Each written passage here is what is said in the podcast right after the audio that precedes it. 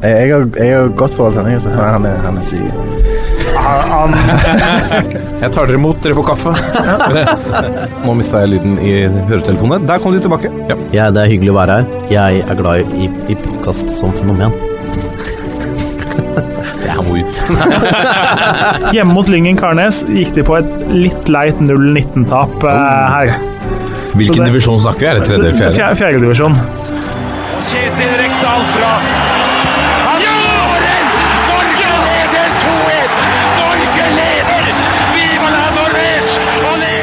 Og der er eh, toppfotball tilbake igjen. Vi eh, er fortsatt i preseason, eh, men vi må samle en gjeng hver uke for å snakke fotball. Denne gangen har vi fått på plass et stjernespekket mannskap i, i fravær av de faste gutta som pleier å sitte i stolene. Vi begynner med mannen eh, på min venstre side. Han eh, har eh, vært eh, utviklings... Han er utviklingssjef i Vålerenga. Han har vært i, i klubben i syv år. Tidligere så har han vært i både Bromma-Poikarna og Gotlands eh, FF. Nå, nå styrer han eh, utviklingen i Vålerenga, ansvar for alle utviklingstrenerne der, eh, mellom 12 og 19 år i hovedsak. Thomas Asselgren, velkommen. Takk så mye. Du har gått fra å, å være utviklingskoordinator, som jeg så, fra fem, mellom 5 til 19 år, og nå, har nå ansvaret for eh, de mellom 12 og 19. Er det, hva er liksom den store forskjellen der? Det er egentlig ikke noen forskjell. Da jeg gikk over til den eh, utviklingskoordinator, utvecklingskoordinator var mer sånn overgang, da. Der vi gjorde litt sånn forandringer, da. Så at, eh, det var i prinsipp samme sak da, kan sies. Men det er det som fokus på de, de allra fremste gutta, 12 till 19 år i, Vålerenga som gäller. Og da har du et, eh, et eh, crew der. Jeg, jeg, jeg så en artikkel på vifotball.no hvor du mente at dere hadde Norges beste akademitrenere, eller utviklingstrenere. Ja, jeg tykker at vi har det. Vi har veldig, dels har vi veldig mange ansatte nu, så vi er vel, inklusive meg, vi vi 12 på fulltid, som jobber med de spillerne. som er 106 totalt idag. Eh, og mesteparten av de som er på fulltid har A og til og med en av provlicens. Då. Stort velkommen. Takk så mye. Tvers overfor deg så sitter en, eh, en eh, Altså, det er verdt å, eh, å kalle han en legende, selv om han aldri ville brukt de ordene om seg selv. Eh, nylig avgått redaktør for Norges viktigste fotballmagasin i Josimar. Nåværende hovedtrener for Christiana ballklubb og assistent for Jenter 12 i Vålerenga håndball. Ja. Frode Lia, velkommen. Tusen takk. Og det er jo den jobben jeg liker mest av alt, da. Er det den jobben du liker mest av alt? Kan ikke si det her i denne podkasten. Fordi det er håndball. Ja, setter du en håndballjobb over en fotballjobb, altså. Ja, men det, altså, det er jo gøy å følge barna sine, og jeg har jo fem barn. Som eh, i hvert fall tre av de spiller håndball, Eh, så da blir det jo mye håndball, eh, håndballhaller i helgene. Men mange lurer nok på hva øh, Du er jo inne på det der. Hva, hva bruker du tida di på nå? Du har vært en, øh, en ambassadør for, øh, for Josimar og, og vært redaktør er det i mange år, siden dere begynte i 2009. Ja. Nei, altså, det jeg bruker tida mi på nå, det er rett og slett å slappe litt av. For jeg har vært mye syk. Og, så rett og slett ta en eh, pust i bakken. Og så er det det å være trener for Kristiania ballklubb og eh, se mye fotball. Altså jeg har sett mye mer fotball nå etter at jeg slutta i Josemar, enn eh, det jeg gjorde mens jeg var eh, redaktør i Josemar. For på ti år, altså i 2009, så gikk du ganske mot strømmen. Du starta et magasin av papir. Nå, ti år seinere, så har det et opplag på mellom 7500 til 12 000. Ja. Hva har det gått Altså, trodde du at, eh, at, det skulle, at det skulle funke i ti år? At det skulle gå så bra som det har gjort? Um, ja, jeg gjorde for så vidt det. Ellers hadde jeg ikke starta det. Altså, jeg hadde jo ståltro på konseptet god journalistikk. Uh, og at vi hadde en forretningsmodell som ville fungere også i 2009. Altså, når jeg starta i 2009, så var jo liksom mantra i Medie-Norge var at man skulle liksom satse på nett. da. Eh, Men jeg så egentlig ikke noe måte å virkelig tjene de store pengene på nettannonsering. Jeg trodde selv da at de store pengene var, gikk på abonnement. Og det har jo vist seg å være rett. Uh, nå ser du alle de avisene som satsa på abonnement, sånn som DN, Klassekampen, Morgenbladet osv. Uh, de gjør det ganske bra, mens uh, løssalgsavisene, i hvert fall avisdelen, gjør det ganske mye dårligere. Altså Nå har det jo kommet en del sånne videoting og podkaster og sånn som uh, har kommet etter den tiden, som har vært viktige økonomiske bein for de mediene. så nå er det jo liksom nye situasjoner igjen, da. Men jeg har ståltro på papir og abonnement. Og du er jo alltid, altså Vi kunne jo invitert deg til enhver, enhver episode, men, men uh, i dag skal vi snakke om et tema som, som du også har et uh, brennende engasjement for. Nemlig talentutvikling og, og, hvordan det står til med Spillerutvikling. Spillerutvikling, ja. Det er veld, veldig viktig nyans. Spillerutvikling, ja. ja. Uh, helt enig. fordi jeg var inne og så på nettsida til Christiana ballklubb, som ble stifta i 2017, sammen med Omar El Ablawi. Ja, altså vi, vi, vi, tre som eh, driver den klubben nå, det er uh, Babs Akinyemi. tidligere kaptein for Kjelsås og, uh, og Bærum. Uh, så det er vi tre som er primus motor for den klubben nå, og starta et par barnelag og sånt. Men uh, det er ikke helt riktig å si at det er spillerutvikling som var liksom min agenda der. Altså, jeg er jo Oslo-patriot, så det var med Oslo-patrioten i meg. Uh, som gjorde uh, at jeg sa ja til å være med på det prosjektet. Da. Uh, for jeg liker også folk som har initiativ. og når de spurte meg om jeg kunne hjelpe dem til å starte en fotballklubb, så syntes jeg det hørtes så spennende ut at jeg ble med på det. Mm. Vi skal snakke masse mer om dette temaet og med det videre. Nå skal vi bruke litt tid på uh, Norges toppskårer i U19-EM i 2005. Han ble trukket fram som en av Europas, Europas ti største talenter av Uefa. Han havna på delt uh, tredjeplass på uh, det mesterskapets uh, toppskårerliste, sammen med Kevin Prince Boateng.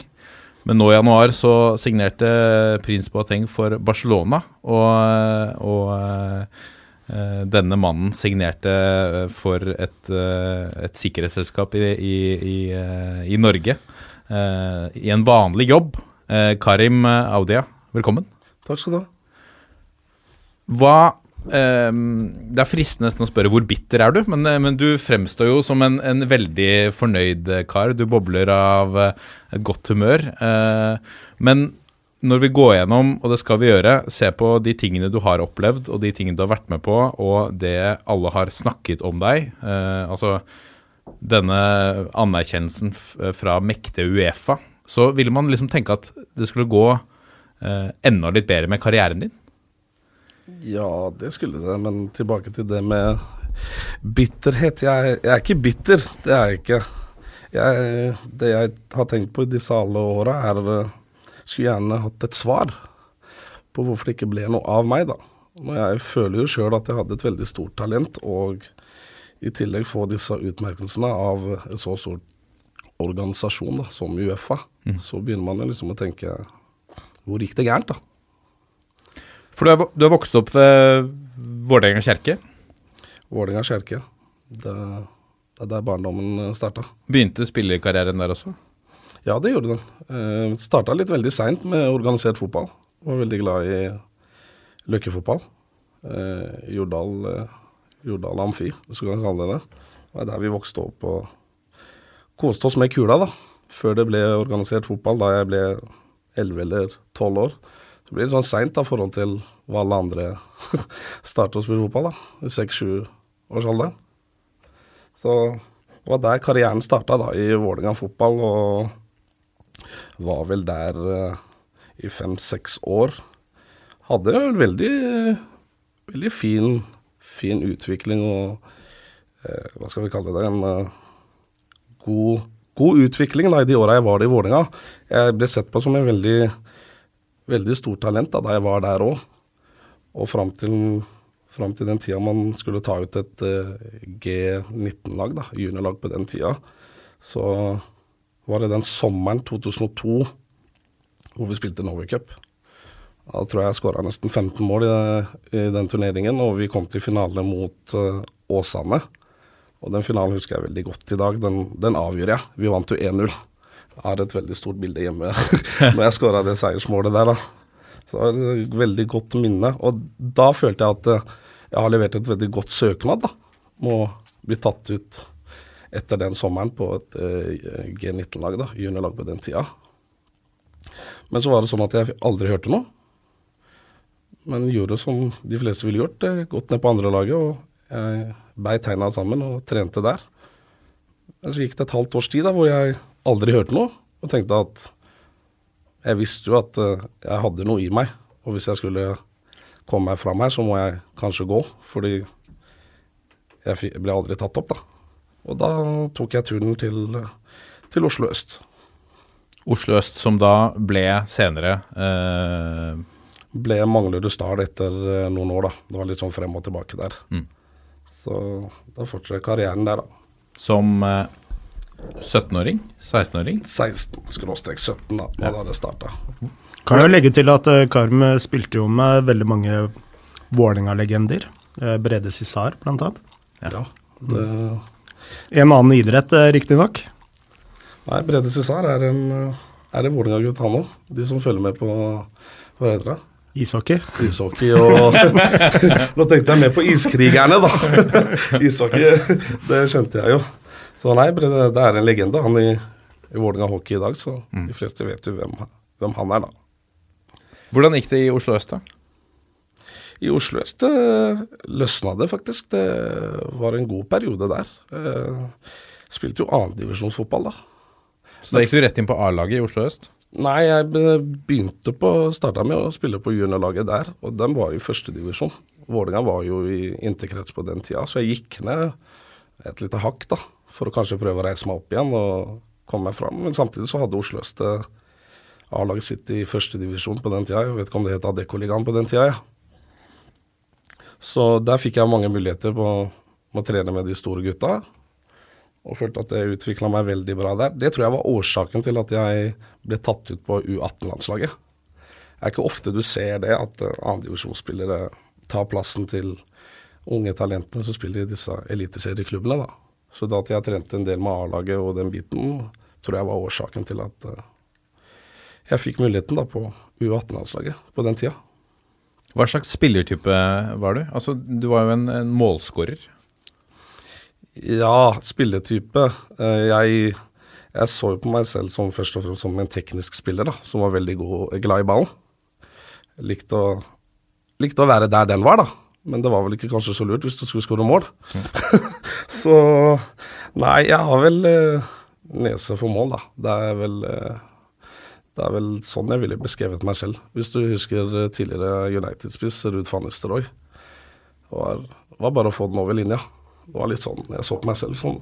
Du skåra alle målene innenfor 16-meteren. så cirka. De fleste, for å si det sånn. Ja. Så, Jeg, vil- jeg vil jo legge til at uh, han minna meg om uh, Frank Strandli. Men uh, du husker sikkert ikke han. Men, Nei, jeg vet hvem ja, det er. Ja, ok. Ja. Så Ja, ja. Det er litt samme. ja.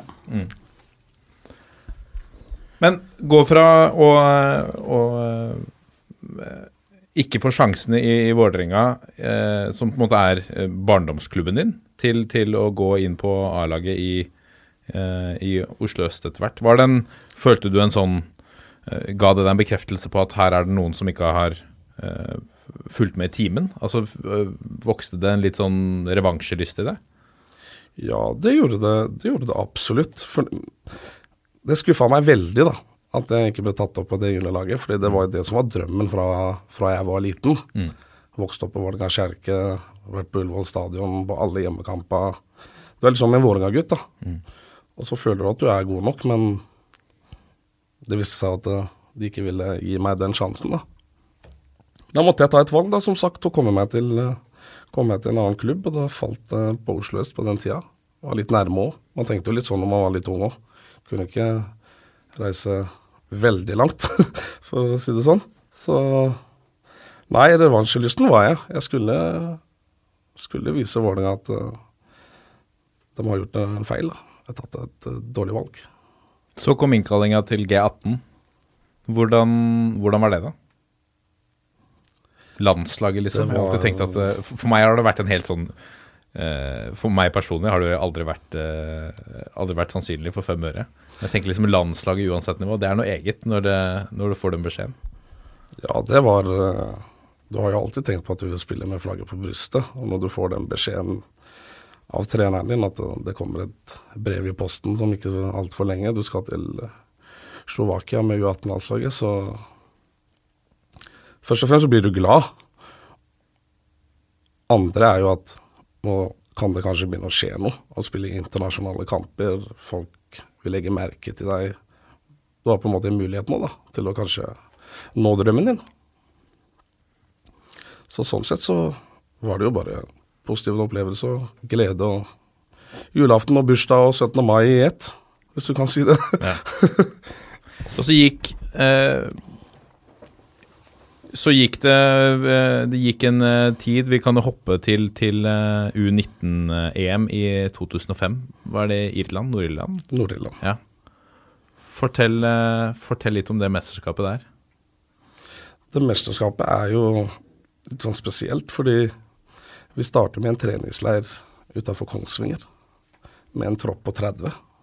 Og den skal reduseres ned til er det vel 20, hvis jeg husker riktig. Og der er vi jo Vi er fire spisser.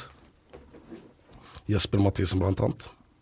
Men han var selvskrevet ved det laget. Det visste jo vi tre andre, så det sto mellom oss.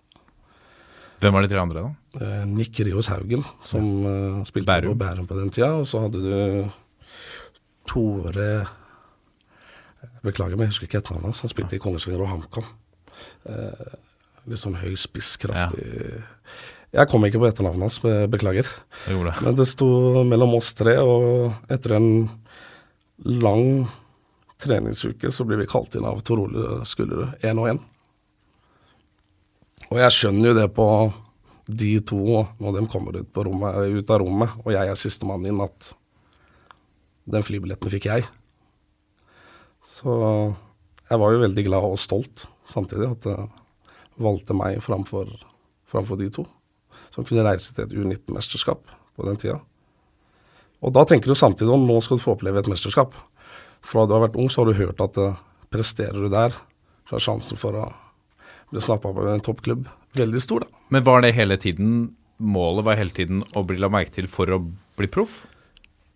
Ja, ja, jeg vokste opp litt sånn da. Jeg, dette, var, dette var ren glede. Dette kommer rett fra hjertet. Dette er noe jeg vil. Dette er noe jeg ønska. Dette skulle på en måte bli mitt levebrød. da. Så vet man at presterer man og er man god, så ligger det jo gode kroner her, da, hvis man kan si det sånn. Men det var ikke det som var tanken, da, på å tjene, tjene penger, men å bli proff. Og det, penga ligger jo der hvis du blir proff, hvis du skjønner hva jeg mener. Så det, Du ville ha det som jobb? Altså du ville være ja, det var det jeg ville leve av. Det var det liksom som var livet mitt. Så å spille et sånt mesterskap, det, det starta jo sånn for meg at Jesper Mathisen hadde pådratt seg tre gule kort og ikke kunne spille den første eh, mot Armenia. Og da fikk jeg sjansen av Tor Ole. Vi vinner jo den kampen 2-0. Jeg skåra første målet, og Vita Nisha, som har spilt i Viking og Jeg vet ikke om han er i Bryne i dag, jeg. Skåra det andre på den tida. Så det var en god start for meg, da. Kamp nummer to, da møter vi selveste Frankrike. Med Diaby som sentral midtbanespiller. De fleste vet jo hvem det er. Spilte for Arsenal. Og så har du Korkov, som spilte for AC Milan. Tapte 3-0. Han skåra tre mål. så det var, eh, var som et slag i trynet i den kamp nummer to der. Men den spilte ikke jeg. Den fikk jeg ikke, fikk jeg ikke muligheten. Da var Jesper tilbake etter sonekarantene. Kamp nummer tre spiller vi mot England. Det i seg sjøl er jo for oss uh, veldig stort. Vi har jo fulgt med på Premier League uh, fra, vi, fra vi har vært små og hele den pakka, så det var Vi tapte dessverre den kampen også, 3-2 på overtid. Hadde holdt med uavgjort til å gå videre til en semifinale. Jeg skårer i den kampen òg. Og blir Norges toppskårer, og som sagt, som du var inne på her, deler jeg tredjeplass eh, med Kevin Prince Boateng. Men du tenker ikke så mye over det, fordi du har bare spilt fotball. Men samtidig så har du det i baktanken at det kan hende at det dukker opp noe. Men man prøver å ikke tenke på det. Og så etter den kampen mot England da, så kommer det 12-13-14 journalister og spør etter meg. Og de, hvordan kan du spille annendivisjon, spør de her. Det, det er der jeg spiller, sier jeg. uh, og de skjønte ikke så mye at jeg var en annendivisjonsspiller på den tida, da. Og da tenkte jeg at uh, nå, nå håper jeg at muligheten byr seg her, da. Og da reiste vi hjem fra det mesterskapet. og Hørte ikke så noe de første dagene da vi kom hjem, men så fikk jeg plutselig en telefon av Daud Alai, som tidligere Vålerenga-spiller. Kom deg, gå på, gå på Dagbladets hjemmeside nå, se der. Der står det den artikkelen om at jeg, jeg er kåra til topp ti beste, eller største talentene i Europa, da. For å være helt ærlig, da, da tenkte jeg nå blir jeg proff. Nå er jeg helt ærlig. Så Nei, det var mye som gikk rundt da, og det var mange tanker. Men så kom det kom noen klubber på banen. Inviterte deg til eh, prøvespill. Blackburn. Gjennom en skotsk agent som tok kontakt med meg da, og sa at han kunne fikse det. At han hadde vært i kontakt med de. Det var jo bare å få den beskjeden om at du skal reise over der og trene med de store gutta, var jo Ja, det var jo stort. Men jeg pakka jo selvfølgelig de tingene mine på kort varsel og tok første fly til England. Eh, det var, var jo nervøst, da. Det var jo det. Du har jo sett disse gutta på TV hver eneste helg og spiller Premier League, en av verdens største ligaer. Kommer jeg til å klare meg der, sier jeg. Men jeg starta treningene med, med reservelaget de første dagene. Så kommer jeg en sånn torsdagsmorgen og skal trene med reservelaget, og så er det ingen på feltet. Så tenker jeg, hvor er alle sammen? Så kom han som trente reservelaget på den tida, så sier han reservelaget har ikke trening i dag. Men du skal opp der og trene. Og så går jeg opp på det feltet der, og så står det bare superstjerner. holdt jeg på å si. Morten Gamst og Craig Bellamy og Brad Fiedel. Og tenker du, dette skjer virkelig. Det er ikke, det er ikke en drøm. Våkne opp. Så det var en stor opplevelse. Men hvordan, var, hvordan klarte du deg på banen der, da? Ja, skal jeg være helt ærlig, så første treninga var litt sånn eh, bob-bob. Man er litt nervøs og man tenker hvordan skal dette gå. Men dag nummer to og tre så gikk det jo helt fint. Jeg ble jo litt sånn overraska over meg sjøl egentlig også. Jeg tenkte det går jo bra. Det er jo muligheter her. Det kan jo kanskje bli noe. Og så er det en uke over, og du får beskjed om at eh, Du får beskjed litt seinere om hvordan dette blir. Og så er jeg hjemme en søndag, og så ringer telefonen på en tirsdag og sier at eh, det er bestilt billetter til deg til fredag, du skal ned igjen. Eller det blir jo Ja. Og da har jeg jo levert litt, tenkte jeg. Mm. Det må jo ha vært noe bra. Da reiser vi ned igjen da, og tenker at får vi, en, får vi kjøre på en runde til. Det var ikke noe skremmende nivå, for å være helt ærlig. Det er eh, Det er jo Gamsten. det er Gamsten.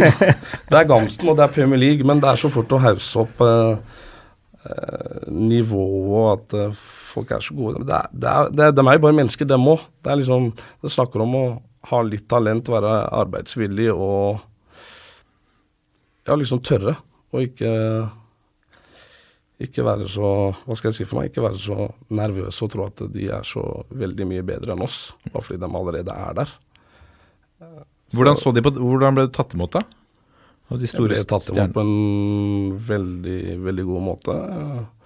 Alle Fikk du ballen på treningene og Ja, det var en veldig hyggelig gjeng. Var, du skulle se for deg at ingen kom bort og hilste på deg eller eh, så på deg, eller sånn, men alle gutta var hyggelige og presenterte seg og hilste. og Det var litt morsomt at Morten Kams kom og begynte å snakke engelsk til meg. da. Han hadde ikke fått med seg at, eh, at, jeg, var, eh, at jeg var norsk, da. Så gjorde det ikke som Kjetil Rekdal eh, som slo tunnel på Effenberg i første trening, og så ble jeg kvesta. Gjorde ikke noe samme, slo tunnel på Gamsten, og Nei, jeg, så snakka han engelsk til deg etterpå. Nei, det ble ikke noe av det. det. Men det var moro. Det var ydmyke gutter og ble tatt uh, veldig godt imot. Men det som er litt interessant her, er at uh, jeg får ikke noe endelig svar den andre uka heller. Fordi de ikke klarer å få, en, eh, få til en motstander hvor eh, vi kan spille en internkamp for å se meg spille kamp. da. i forhold til trening. Det er jo to forskjellige ting.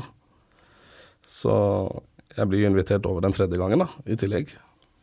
Tenker du inni deg nå Det er ingen som inviterer en spiller tre ganger. Uten at du er i nærheten, i hvert fall. Da kommer vi dit den tredje gangen òg, og eh, det blir jo treninger med førstelaget hele veien. Det som er litt morsomt, er at eh, Blackburn møter Manchester United. Jeg husker ikke om det er Premier League-kamp eller FA-cup på den tida. Men da får lille, lille meg være med på hele den prosessen, da. Spillebussen, frokosten, lunsjen, hotell, inn på Old Trafford. Var en kamp en Gamsen skåra to, tror jeg. Jeg vet ikke om noen av dere husker det. Hadde en frispark oppi krysset på det. på Fandesa. Så det var en opplevelse for livet. Men så ender den uka nærmer seg denne uka her slutten, da. Og jeg hører ikke så veldig mye mer og tar kontakt med agenten min og lurer på hva som skjer. De skulle tenke litt, og hadde ikke helt bestemt seg for hva de gjør. Men jeg skjønner jo ettertid, eller jeg skjønner jo ikke det, men jeg får et endelig svar på hvorfor det ikke ble meg. Fordi noen måneder senere, når det overgangsvinduet steng- åpner, så får jo dem eh, Sinama Pongol på lån fra Liverpool. Så det er jo det som blir det svaret her, på hvorfor de ikke går for meg når Liverpool står og kan tilby en av sine tredje, tredje spisser, da, som ikke er god nok for det laget på den tida. Men tenkte du at det var så, så nærme det laget? Eh, tenker du på startelver, eller tenker du på bare det Ja, som, en del, som en del av troppen. Jeg vil jo tenke at når altså det vi, eh, I hvert fall nå til dags, når vi ser en, en norsk spiller som blir henta, så er det veldig sjelden at de går inn i en startelver. Vi, vi, det er nesten sånn at vi, vi må ta ofte til takke med nest beste liga eller en del av spillertroppen. Følte du at du var helt der inne i eh, altså, og banka på, på troppen? Ja, det gjorde jeg, for jeg trente en del med reservelaget i starten, som jeg sa. Og det gikk ikke mange treninger før jeg ikke trente noe mer der. Jeg følte at det nivået ikke var så veldig, veldig høyt, da, for å være helt ærlig. Nå høres det ut som jeg bare skryter, men eh, det er sannheten. Det er kanskje en grunn til at man får beskjed om å trene med de store gutta. Så ja, hadde man signert en kontrakt for Blackburn der, så tror jeg det hadde vært eh, en del av en avstand. Så ja, det tror jeg på. Hvordan hva, hva går gjennom hodet ditt når du skjønner at det ikke blir noe av? Skal jeg være helt ærlig, eller? Jeg begynner jo Jeg begynner jo å gråte, da. Som uh, Jeg er jo 19 år på den tida. Dette har vært drømmen, det. Det går veldig mye gjennom hodet mitt, men samtidig du klarer ikke å samle alt det som går gjennom topplokket. Det, du blir skuffa igjen. Du er veldig nærme igjen. Men samtidig så tenkte jeg at dette åpner jo kanskje flere dører hjemme. Jeg kom hjem etter å ha hatt en, en god mesterskap. Blackburn har invitert deg på prøvespill tre ganger. Tenker jeg at nå kommer kanskje eliteserieklubbene hjemme, da. Det er ikke noe feil det å komme hjem og spille i Eliteserien og bygge opp karriere på nytt. Så jeg måtte på en måte jeg måtte glemme det, da, og tenke positivt med en gang. Ja. For du har jo på en måte ikke tid til å til å gå rundt og tenke at det ble ikke noe av. Det vil jo alltid sitte i bakhodet, men det må på en måte glemmes også samtidig. Men tenker du at det er lett å, for unge spillere som kommer dit, og spesielt som deg som blir invitert tre ganger på rad, man får veldig, veldig mye bekreftelse på hvor god man er, og så plutselig så får man en i fleisen. Er det lett å tenke at liksom, vet du hva, kanskje ikke dette er for meg likevel, eller at jeg, jeg gidder ikke? Ikke i min verden. Jeg skulle, jeg skulle klare det. Det var sånn jeg tenkte da. Dette var Blackman Blackburn er ikke eneste klubben i verden. Det er flere klubber. Da er det bare å rette nesa mot eh, Norge og se hva vi kan, hva vi kan få gjort hjemme. Mm. Så nei, det var aldri noen planer om å, om å gi seg. Men så kom du hjem, og, og så gikk du rett til Stabæk. Da ble det Stabæk i 2006. Der spilte jeg jo, jo kun ett år. Før jeg meldte overgang til Sarpsborg, eller Sparta Sarpsborg på den tida, i 2007. Men det som er litt interessant, da, noe jeg aldri kom til å få svar på Hvorfor signerer Stabæk en av ti største talenter i Europa for å ikke gi han ett minutt på banen? Det, det, er det, det er det svaret jeg kommer aldri til å få, da, tror jeg. Hvis det hadde vært kult å visst svaret. Så Dette var tida med Alansinho, Vegard Pall Allan. Gunnarsson, Daniel Landskog. det var, et godt lag. Det, var, eh, det var mye penger å rutte med på den tida. Det er som du sier, Allan Sinjo, Vegard Pall, Daniel Nanskog. Du hadde Joakim Persson som ble henta fra Bundesliga, Hansa Rostock. Så kan du hente Christian Keller på Fuer Sternfree fra Lazio. Så det var mye penger i tippeligaen på den tida. Men har man ikke én plass til en av de største talentene i Europa som er norsk, Ja, og Stabæk var jo gode på den tida, så de hadde jo kanskje flere kamper hvor det eh, hvor, de, hvor de, de lå an til å vinne. Eh, og selv ikke da fikk du sjansen. Jeg fikk jo aldri sjansen. Det som var litt morsomt, er at eh, vi leda vel 6-0 i en av de seriekampene det året, hjemme mot Molde. Da leda vi 6-0. Nå tenker du ja, det er vel nå jeg får sjansen, da. Nå, nå spiller det egentlig ikke rolle om du om du taper 6-1, eller om av å prøve å gi en unggutt en sjanse, da. Men fikk jo ikke, fikk ikke muligheten der heller. Eh, Frode, det var jo en tid hvor det var I etterkant så har vi kalt det litt for litt jappetid i norsk fotball. Vi signerte masse spillere fra utlandet. Uh, Ja. var det eh, Altså historien til, eh, til Karim, tror du den går igjen hos mange gutter på hans alder på den, på den tida der? Nei, ikke bare på den tida, men det er jo noe som skjer hele tiden. Og ikke bare i Oslo, men også over hele verden. Eh, men eh, det er jo sant som han sier, på akkurat den tiden der, eh, så var det jo mye penger i norsk fotball uh, pga. Uh, store overføringer fra TV-rettigheter.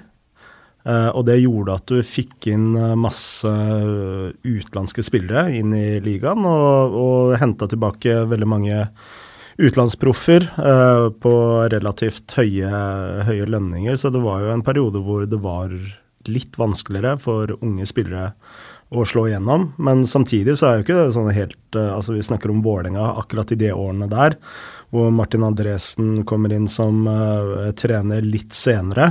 Eh, så kommer det jo inn masse talenter inn i, i klubber sånn som Vålerenga. Men da er jo økonomien også i ferd med å, å dabbe litt av, da. Og da er det jo også litt lettere for uh, talenter å komme inn. Men uh, altså når du spiller på det Stabæk-laget, altså det er jo uh, det er vel sjelden at et norsk lag har hatt et så bra spisspar som det Stabæk hadde de årene der. Så det er jo vanskelig å komme igjennom. Så Men ja, altså det er jo vanskelig for talenter å slå igjennom på et eliteserielag, og det skal det sikkert være òg. Men så, sånn er det jo. Thomas, eh, du nevner Dere har jo i, i Vålerenga nå tolv heltidsansatte, eh, utviklingstrenere, som jo vitner om en, en eh, Altså, det satses på, på utvikling i Vålerenga. Eh, dette er jo penger som man eh, kanskje også kunne brukt på å hente, hente spillere og utbetale store lønninger isteden. Har man endra synet på, eh, på, på spillerutvikling i, i, i Vålerenga siden denne jappetiden da, som vi snakker om? Jeg tror eh, hele norsk fotball har forandret siste årene da, med det som norsk toppfotball har gjort i samarbeid med toppklubbene, med akademiklassifisering. Du har fått inn fordelt TV-penger til, eh, til spillerutvikling. Så man har tatt ganske store grep der. da. Så jeg, det har i hvert fall eh, vært en ganske sånn markant økning med fulltidsansatte som jobber med da, sånn, de her eh, talentene da, i alle utviklingsavdelinger i, i toppklubber i dag. Så det ser jo helt annerledes ut enn hva det gjorde i 2005 her da. Så, så der har vært en radikal økning. Så det er nå den trenden da. Og så er det vel som vi er inne på også når økonomien er dårlig i klubbene, så er det lettere å slippe fram unge talenter da. Man må gjøre det. Jeg kom jo sånn innan Vålerenga fra Brommapojkarna, som er veldig dyktige på å slippe fram unge talenter da, for det ikke finnes penger. Så det er deres sett å arbeide og klare økonomien da. Og derfor får man sjansen da. Men det er vanskelig når det er mye penger i bilden, og det er lettere å bruke han man har satsa ekstremt mye penger på det enn en ung talent. Da. Men kan det samme skje igjen, da? Hvis, hvis eh, nå har, eh, Ronny Deila er jo eh, brukbar til å slippe til unggutta. Eh, gir dem mye spilletid. Er det en viktig Hvis Vålerenga skal ansette en ny trener, er det et eh, viktig aspekt der? Er, altså Ligger det et, et slags et, et krav i, i, i at uh, unggutter skal få sjansen på A-laget? Eller uh, kan vi risikere igjen at uh, med, med masse mye mer penger gjennom hendene, at vi, vi kjøper inn utenlandsproffer igjen? Vi lager en ny strategiplan i, i klubben for uh, to år siden, der vi uttaler at det skal være en utvecklingsklubb og vi ikke skal kjøpe oss til suksess, utan vi skal plukke fram, uh, gi mulighet for uh, Oslo-ungdommer. Sen må de også være gode nok da. Men det ligger i klubben så det er jo sånn styre, styrevedtak på. Og, og hele klubben er med på det. Da. Så, så at, uh, men det er klart at jo mer penger som kommer inn, jo, jo risikoen finnes jo at man bruker det på utenlandske spillere eller, eller eldre spillere. Og da må man gi dem mulighet kontra unge spillere når man ikke har penger. Da. Men, men uh, i vår strategi så ligger det at vi skal gi Oslo-ungdommer sjansen. Mm. Men, men, Frode, kan eh, Hvorfor kan ikke alle klubber gjøre det, gjøre det som eh, Sarpsborg Lotte f.eks.? Man eh, Man investerer pengene kanskje i, lavere divisjoner, i norske spillere. Eh, og reinvesterer kronene i egen stadion. Er det ikke tid for de mer profilerte klubbene å gjøre det på den måten? Uh, for å komme litt tilbake til Karim, da. Uh, så, uh, så mekanismen er jo sånn at er jo sånn at du trenger liksom én person i én klubb som liker den spilleren og vil satse på den spilleren. Så samme hva man gjør i ungdomsakademiet. Eh. Eh, hvis eh, hovedtreneren ikke liker noen av spillerne du har på akademiet. og det er jo det som er litt poenget her, da. og hvis vi bruker Oslo-fotballen som et eksempel, da. Med Sigurd Rostedt, som også kan være en parallell historie til Karim. Det var altså Sigurd, han var jo på prøvespill i stort sett alle klubber. Eh, her i området. Han eh, var vel i Lillestrøm og prøvespilte, han var i Vålerenga og prøvespilte. Jeg tror han var i Stabekk og prøvespilte òg. Eh, men det var kun én, én klubb som så noe helt spesielt i Sigurd, og det var Sarpsborg. Uh, og det, altså, dette handler jo også om uh, om man allerede har midtstoppere på lang kontrakt og har ledig plass i tropper og sånn. Så det er ikke nødvendigvis uh, det at de andre klubbene ikke så noe spesielt i Sigurd. Men Sarpsborg de hadde ledig plass til han, og de så noe helt spesielt i ham. Og det, der er vi inne på det helt avgjørende for at talenter skal lykkes på et eliteserielag. Uh, og det, det, jeg prøver å si, da, det er, jo utrolig mange ting som skal klaffe. Det er ikke bare å, å, å si at man skal satse på yngre spillere. Og, altså det handler om spillertyper, det handler om er det ledig plass i troppen, akkurat det året den spilleren kommer opp. Altså Det er så masse momenter da, som spiller inn, uh, som starter egentlig med, med A-laget. Uh, så hadde Karim kommet opp to eller tre år seinere i Vålerenga, så kunne det uh, kanskje historien til Karim, Karim vært helt annerledes. Da hadde han kanskje vært Vålerenga-spiller.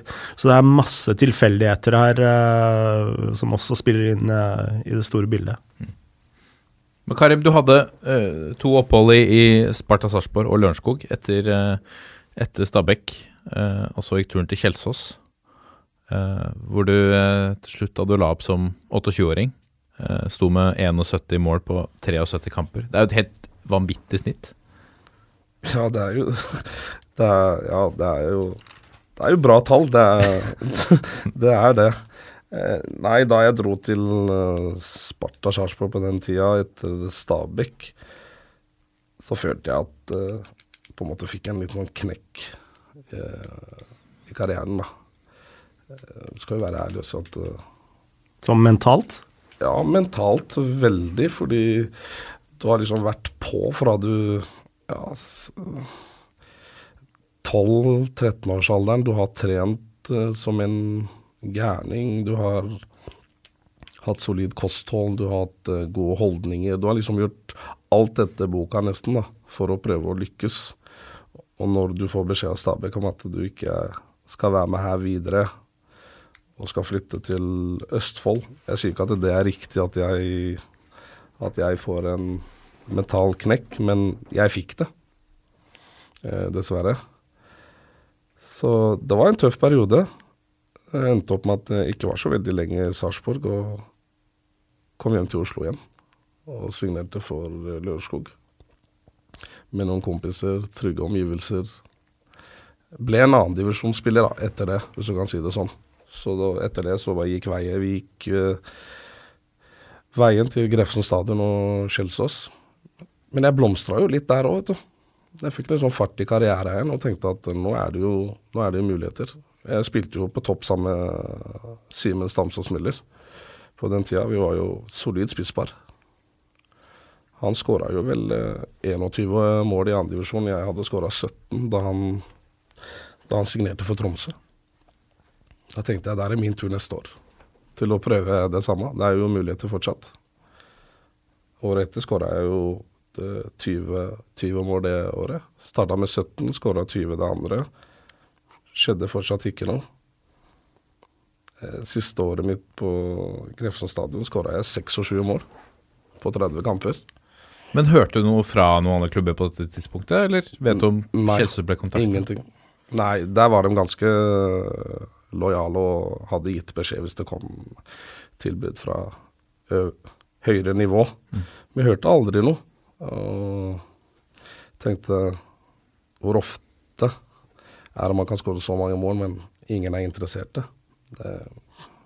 Jeg forsto det bare ikke, for å være helt ærlig. Det var vanskelig for meg å forstå dette. Du, du hører historier, og du leser, og du tenker i utlandet skårer du Skårer du ti mål i løpet av en sesong i portugisisk førstedivisjon eller andredivisjon, så er det noe som lukter på deg. Du, vi har jo Bjørn Mars uh, Johnson i dag på norske landslaget. Han hadde jo en vill tur uh, rundt i Europa her. Han spilte jo andredivisjon i Portugal, tror jeg, eller hva det var, og skåra vel ti-tolv mål. og Da leste du at Belfica eh, ser på han. Er muligheter for kanskje å signere. Jeg tror ikke vi setter pris så veldig stor pris på målskårere i Norge, virker det som for meg, da. Det er vel ikke Vi vokser ikke på trær. Og det er vel det vanskeligste med fotball, da. Det er å sette den kula i, i mål. Så for meg på den tida så tenkte jeg Nærma det seg 28 år og begynte å slite litt med hælene. Da tenkte jeg nok får være nok. Det virker som om det ikke er meant to be, da. Thomas, du, du, nevner strategidokumentet. og så er jo ikke, Du er jo ikke sjefsspeider i klubben, men du, eh, dere har jo eh, signert en, en del eh, samarbeidsavtaler med, med Oslo-klubber. Hvor viktig er, er, det å få Oslo eh, Altså spillere med opphav fra Oslo inn i, inn i Vålerenga? Jeg tror det er veldig viktig for, for klubbens identitet å få publikum på stadion. Og så ligger det jo sånn økonomi i det også, selvfølgelig. da. Så jeg tror det, framfor alt identitetsbiten er veldig viktig å ha sånn lokal forankring. da. For har du en spiller som kommer fra Groruddalen, så kommer det antagelig flere tilskuere fra Groruddalen også. da. Pluss at det er ofte billigere med, med unge spillere kontra utenlandske spillere og eldre med mer erfarenhet. da. Så det, det tror jeg. Men sånn øh, Nå skal, ikke, skal, du få slippe å svare på, på hva som skjedde med, med, med Karim på den tida, men, men, jeg vil jo tenke at hvis, hvis jeg hvis i en, en Oslo-klubb som Kjelsås at det er noen eh, det er en spiss der som gang på gang skårer tosifra antall mål, har dere ikke et eller annet system hvor det går en, en grønn lampe, eller eh, hvor det lyser et eller annet som at dette må man se nærmere på? Hvor flinke er man til å følge med på de klubbene rundt? Vi har jo siste året utvikla vårt scouting-team på, på A-laget med, med Jørgen Ingebrigtsen som sportsleder og, og Lars Kjerno som sjefsspeider. Og så har man jo et antall lokale speidere også da, som følger opp egentlig alle andra og tredjedivisjonsklubber i Oslo Og även sånn enda ned på sån Gutti 15 førstedivisjon i Oslo. Och sen har de ju, så, så man följer i princip alla de andra divisionsklubbarnas, i vart fall hemmakamper då. Mm. I tillegg så spilte vi förra året, nu ryckade vi ner med rekruttlaget så vi mötte ju dem också och kunde jämföra lite där också då. Och sen har vi en, en bra dialog med många klubbar då via våre våra samarbetsavtal också då. Men eh, Så jeg tror vi, vi følger nå, vet om og kjenner til dem. da. Men det er litt sånn med, med timing på kontrakt og litt posisjon som er avhengt også. Da. Så man også får respekt for det. Veldig lett å si at man skal ha den han skårer masse mål, men har du da to-tre i den posisjonen igjen på kontrakt, da, så er det vanskelig å få inn dem også. Da. Så, så, Kjelsås er vel ikke en del av den samarbeidsavtalen? De har ikke noen samarbeidsavtale med oss. Hvordan er uh, Frode, du kjenner uh, Oslo-fotballen. Hvordan er standingen til Vålerenga eh, blant, uh, blant Oslo-klubbene? Er, er det den storebroren som, som plukker talenter, eller er det Ja, det tror jeg er veldig avhengig av hvilke klubber du spør. Altså Noen eh, klubber tror jeg er veldig glad i Vålerenga, og så er det andre klubber som er eh, mer skeptiske til Vålerenga. Uh, men Vålerenga har jo satt i gang veldig mange gode tiltak. da. Uh, altså De har et prosjekt som heter Engaland, som er fantastisk bra, hvor uh, Vålerenga spillere og trenere går ut i lokale klubbene i Groruddalen og Oslo øst. eh, og hjelper til med trenerressurser og, og sånn. Så det er jo absolutt en problematikk Vålerenga tar på alvor, eh, tenker jeg, da, sånn sett utenfra. Eh, ja, så, så absolutt. Men eh, altså hvis du ser på uh, rekruttlaget da, til Vålerenga f.eks., så består jo ikke det uh, av spillere stort sett fra Oslo øst. Eh, så satt på spissen så kan du jo si at eh, hvis du ser på spillerne, så er det stort sett vestkant. eh, kommer stort sett fra enten vestkanten eller Romerike.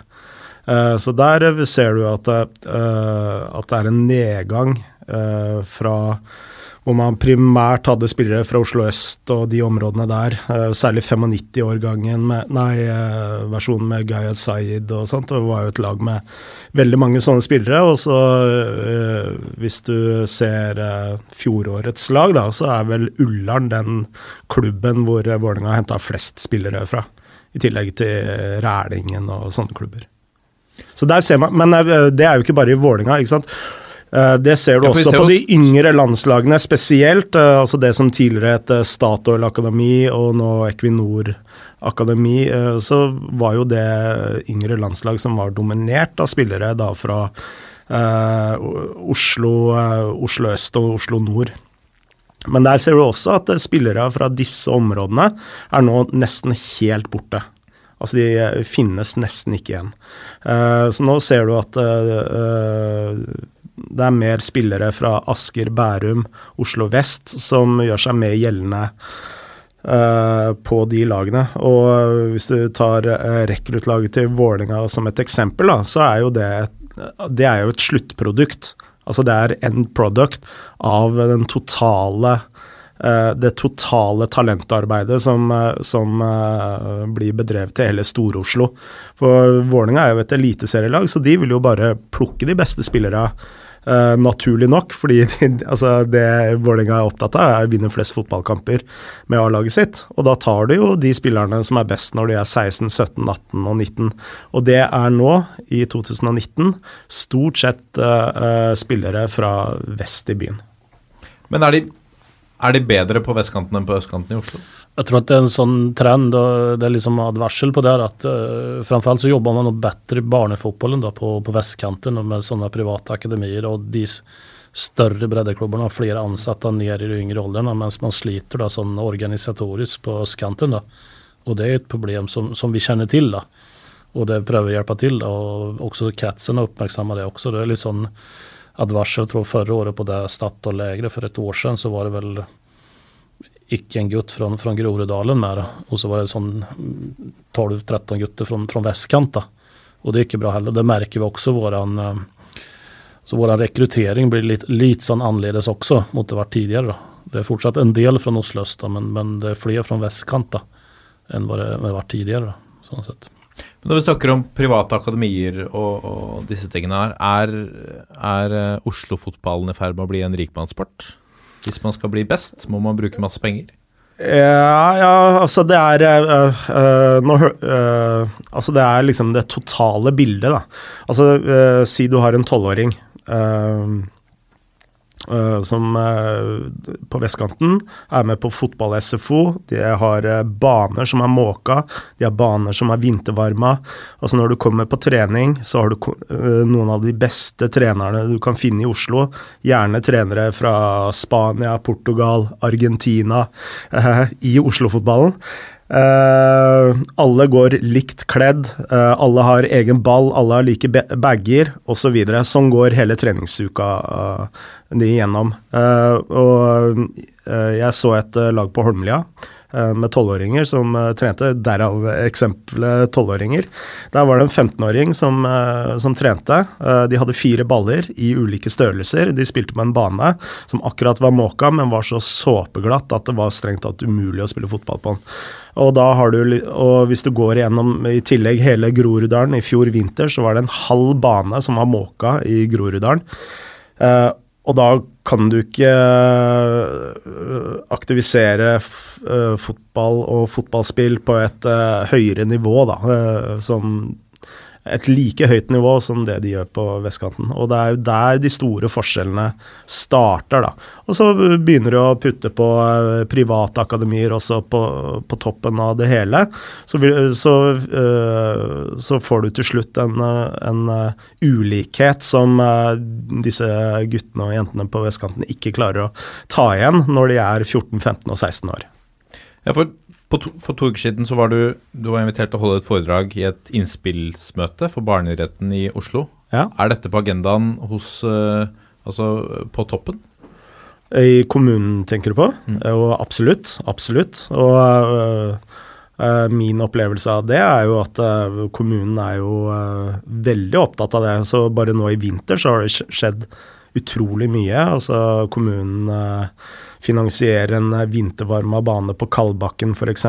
Så de gjør jo veldig, veldig mye. Men det er jo som øh, Thomas også sa, altså det, på det organisatoriske planet i klubbene eh, skorter det eh, mye til. Altså Tar du T-banelinje nummer 15, så eh, er det gamle klubber eh, rangert gjennom hele linja, men eh, de klarer ikke å aktivisere ungene. eh, fordi det, altså de mangler organisatoriske Altså organisasjon, økonomi, eh, som stort sett går til bane osv. Du er selv trener nå i, i, i barnefotballen? I Kjelsås. Hvordan, hvordan ser du på det, sånn som det er nå, kontra hvordan det var da du eh, var eh, lit, altså barnefotballspiller, da, kan vi si, før du gikk videre også til Vålerenga? Nei, den, på Kjelsås er det jo Der ser de alle, for å si det sånn, egentlig. De, eh, de driver veldig godt fra du er eh, 10-11-12 år nå. De prøver jo å bygge opp en, en rød tråd da, gjennom hele klubben, hvor de skal prøve å få fram eliteseriespillere til slutt. da, Eller annendivisjon, der de er først i dag. Og så ser vi jo gode eksempler på at de selger jo spillere til høyere divisjoner. De har jo Sigurd som noe sånt videre til Sarpsborg. Og så hadde Jørgen Hoe har jo vært innom der òg, som har vært i Vålerenga, Moss og svensk, all, allsvenskan. Og nå jobber de, eller nå har de fått på plass et eh, damelag. Så det jobbes veldig godt på begge sider. Jeg tror de, de små klubbene må nesten være flinke til å, til å utvikle sine egne spillere for å få de opp på høyeste nivå, da. Det har jo ikke råd til å handle som de andre store klubbene har, da. Så det jobbes godt på Grefsen stadion, både på jenter- og guttesida i tidlig alder. Er det fortsatt rom for å spille fotball og ha det gøy, da? Eller når det begynner å bli ordentlig seriøst? I min verden så er du kan, Gøy er liksom todelt. For meg var fotball gøy når det var, når det var seriøst. Når det gikk Når det var beinhardt. Da var fotball gøy for meg. Men jeg skjønner jo hva du mener. Ja, det er rom for å ha det gøy, men i en viss alder Jeg tenker når man begynner å bli ja, 13-14-15 år, så må man kanskje begynne å stramme inn litt, da. Men eh, Nei, det skal alltid være rom for å ha det gøy. Det er veldig viktig. Man kan ikke bare, bare være beinhard. Så i en 13-års, 14-årsalder mener jeg at man, man begynner, begynner å stramme inn, for det går veldig fort. Men Spørsmålet ditt var vel egentlig om topping. Ja, hvor tidlig skal man toppe? Altså, skal man, og skal man toppe fra Veldig mange topper jo fra 12-årsalderen, 13-årsalderen. De kaller det selektering, da. Ja. Men det sies ikke, men det, sies ikke, det snakkes ikke så veldig høyt om at uh, man skal toppe, sånn internt, da. Selektering. Ja, men det skjer. Mm. Så Og det kommer jo ofte fra spillere sjøl. Om at eh, nå må vi toppe, nå skal vi ut i en tøff kamp, eller nå skal vi Det kommer fra de beste. Ja, som, ja, det gjør det, men jeg har hørt det ofte fra de som er uh, nummer 12, 13, 14 uh, Kommer bort og sier at uh, nå må vi toppe, liksom. De, man forstår det sjøl, hvilken posisjon man har i et lag, da, etter hvert jo eldre man blir. Da. Så nei, eh, det er en del topping, det er det jo. Men det snakkes kanskje ikke så veldig mye ut om det.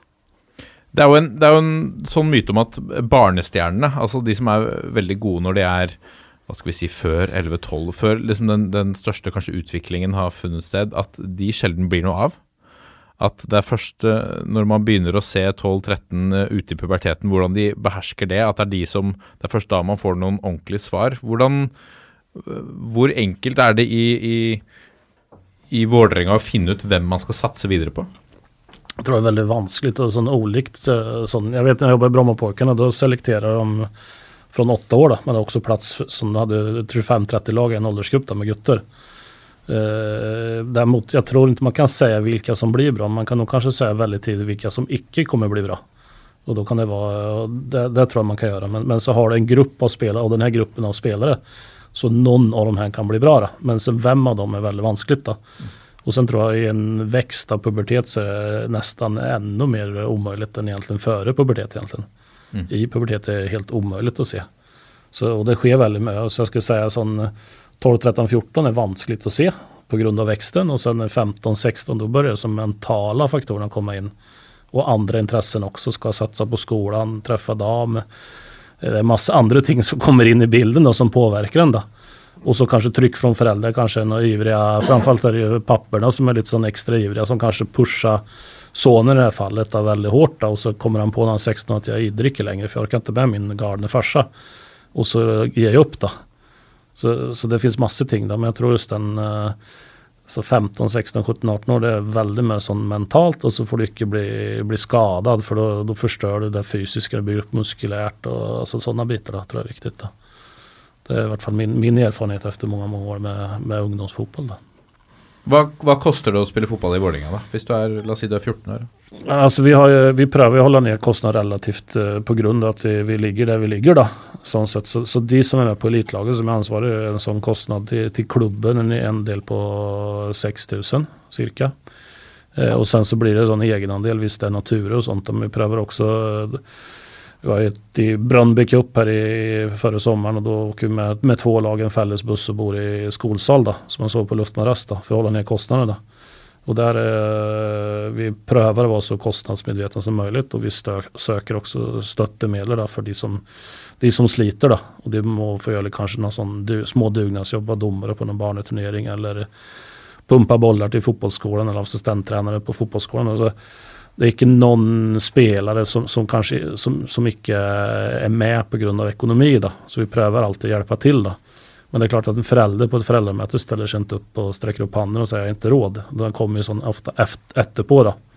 När man inte betalar räkningen då. Och då får man ta ett prat med dem och så finner vi lösning på det, på det mesta då. Sånt sätt. Ja, eh, når jeg jobba i Josemar, så hadde vi jo en eh, sak om eh, Om prisnivået i, i satsnings, blant satsingslagene. Og da var jo Vålerenga den eh, desidert billigste, rimeligste klubben å satse på fotball i Oslo-området. Men der, eh, da mener jeg å huske at eh, prisen var 8950, og så kunne du være med på en dugnad som medførte til en reduksjon på 1500 kroner. Är, jag tror det är 6500 og så er det en dugnad på 1100 cirka. Jag Ja, okej. exakt. Ja, så det ja, är så det er rundt Ja, der, da. Men det er, jo, eh, i snitt, da, for å spille på et satsingslag, så eh, er vel treningsavgiften på rundt 12 000 kroner. Det er liksom gjennomsnittet eh, på satsingslagene rundt omkring. Og så kommer jo ting i tillegg, da. Men, Men eh, eh, Vålerenga og, og veldig mange andre klubber har jo, eh, Og det har jo kommet i kjølvannet av eh, den debatten vi hadde i Josmar, at det er veldig mange støtteordninger. Uh, Vålerenga har jo bl.a. Klanen som eh, støtter eh, spillere også. eh, økonomisk, men eh, altså den, eh, det store, store problemet det er jo så stigma om eh, å liksom si fra at man har problemer med å, å betale og, og sånt. Så ja. Jag tror en viktig del i det här också när man pratar om kostnader är ju att, att de, de vi har hos oss, de, de spelar ju bara fotboll då. Hade, min, min stora syster har liksom en dotter i 15-årsåldern då. Och där, eh, hon håller på med två, tre olika aktiviteter då, så totalkostnaden för dem blir liksom 15-20 000 då. När du slår ihop det då. Så, så det är viktigt, det är sån fem, sex aktiviteter i veckan och du har ett liksom professionellt upplägg. Du tränar inne i Valhall och tränar på uppvärmd konstgräs. Så det er også, man må liksom se bak, hva får du for kostnaden da, sånn sett da. Men jeg tror det er viktig at det får ikke bli en sånn eh, som, som det kanskje er, dessverre. en sånn At du må ha penger for å spille fotball. Da. Det tror jeg man er fel vei å gå som, som idrott da, tror jeg. Ja, for jeg vil jo tenke at, at, at man går glipp av veldig mange eh, Hvis, hvis man tenker rent sånn uh, elitesatsing på dette, og, og at Vålerengas A-lag skal vinne kamper på sikt, så vil jeg tippe at man går eh, glipp av en rekke talenter når, eh, som ikke har råd til å spille De har ikke råd til å få sjansen. Ja, og det har jo vært med min agenda ved å starte den uh, debatten. Altså, du har jo et sosialt aspekt uh, uh, med det, som er jo viktig nok. Men også har du jo også et fotballmessig aspekt. Og, det, og det er jo det at vi akkurat nå går glipp av veldig, veldig mange eh, talenter i, eh, fra Oslo øst. Uh, Pga. ressurser. Da tenker jeg ikke bare på privatøkonomi, men eh, ressurser innad i klubbene til eh, måking av baner, vintervarme uh, osv. Uh, og uh, det har jo akkurat uh, blusset opp en stor, stor, stor debatt i Tysk, Tyskland om tysk spillerutvikling. om hvordan uh, spillerne deres er i ferd med å bli altfor like. Altså, du har spillere som ikke klarer å passere, menneske, eh, altså, eh, passere motspillere. Altså, noe av den der råskapen eh, spillere fra Oslo øst var særlig kjent for. Da. Sånn som Joshua King, Diomande, Jon Carew. Nå er han fra Lørenskog, men eh, altså, den type spillere er i ferd med å bli borte i Tyskland. Kevin Prins Boateng er jo et eh, godt eksempel her. Og så henter de igjen spillere som eh, Sancho fra Sør-London, som eh, spiller i bang, eh, ballbinger osv. Og, og en del franske spillere. Og det er jo også en problematikk som man også er i ferd med Jeg etter min mening er jeg i ferd med å se i norsk fotball at vi får flere og flere sånn typiske akademispillere, men går glipp av en del av de der spillertypene vi, vi var flinkere til å dyrke fram tidligere. da. Dette er toppfotball. Du nevnte akademiklassifiseringa, Thomas. Um, Det har, vært, uh, det har vært diskutert litt frem og tilbake rundt den siden den ble lansert. Det er noen som hyller den, og andre som slakter den. Hvordan, hvordan funker den i praksis? Hva er, uh, hva er den for Vålerenga, f.eks.? Jeg tror det, det er en slags värdering utifrån vårt arbeid med, med spillerutvikling totalt sett. Då. Eh, og det er jo, hvis man ser det i Europa så det, har det funnits i mange mange år. Da. Så Norge er en av de, de siste nasjonene som gjør det. Man tar bort de miniputt-landene. Eh, jeg var med i samma i, i Sverige når de startet opp den og Danmark som kan sammanliknas. Då, har jeg også merket at man har blivit bedre på spelutveckling og tagit det mer allvar. da. Så egentlig, men, men det som er, er at eh, man har egentlig ti stycken områden som man bedömer. Då. Och det går allt från, från klubbförankring, det alltså ska vara förankrat i styrelse och i klubben. Och en strategi för det, det går på spelarlogistik. Både sånn upp till A-lag men också in till, till akademierna. Eh, Du har kampplattform. Man har ju lagat noen nye nationella serier på, på ungdomssidan. Det går på å ansätta tränare, kompetens på dem. Samarbetsformer, faciliteter, eh, samarbete med skola eh. Då. Så det, det, det, og, och sen går det jo sånn hva, hva, du gjør på treningsfeltet, og hva du har for planverk og, og den biten da, som, som vi blir bedømt på. Det. Og det er litt sånn vi evaluerer våre som G13-trenere. Veldig sånn kommer folk fra norsk fotball, evaluerer dem då. Och det kanske man inte gör på en A-lagstränare så det kan vara lite sån scary för en, för en ung 13-årstränare också då, och bli evaluerad då.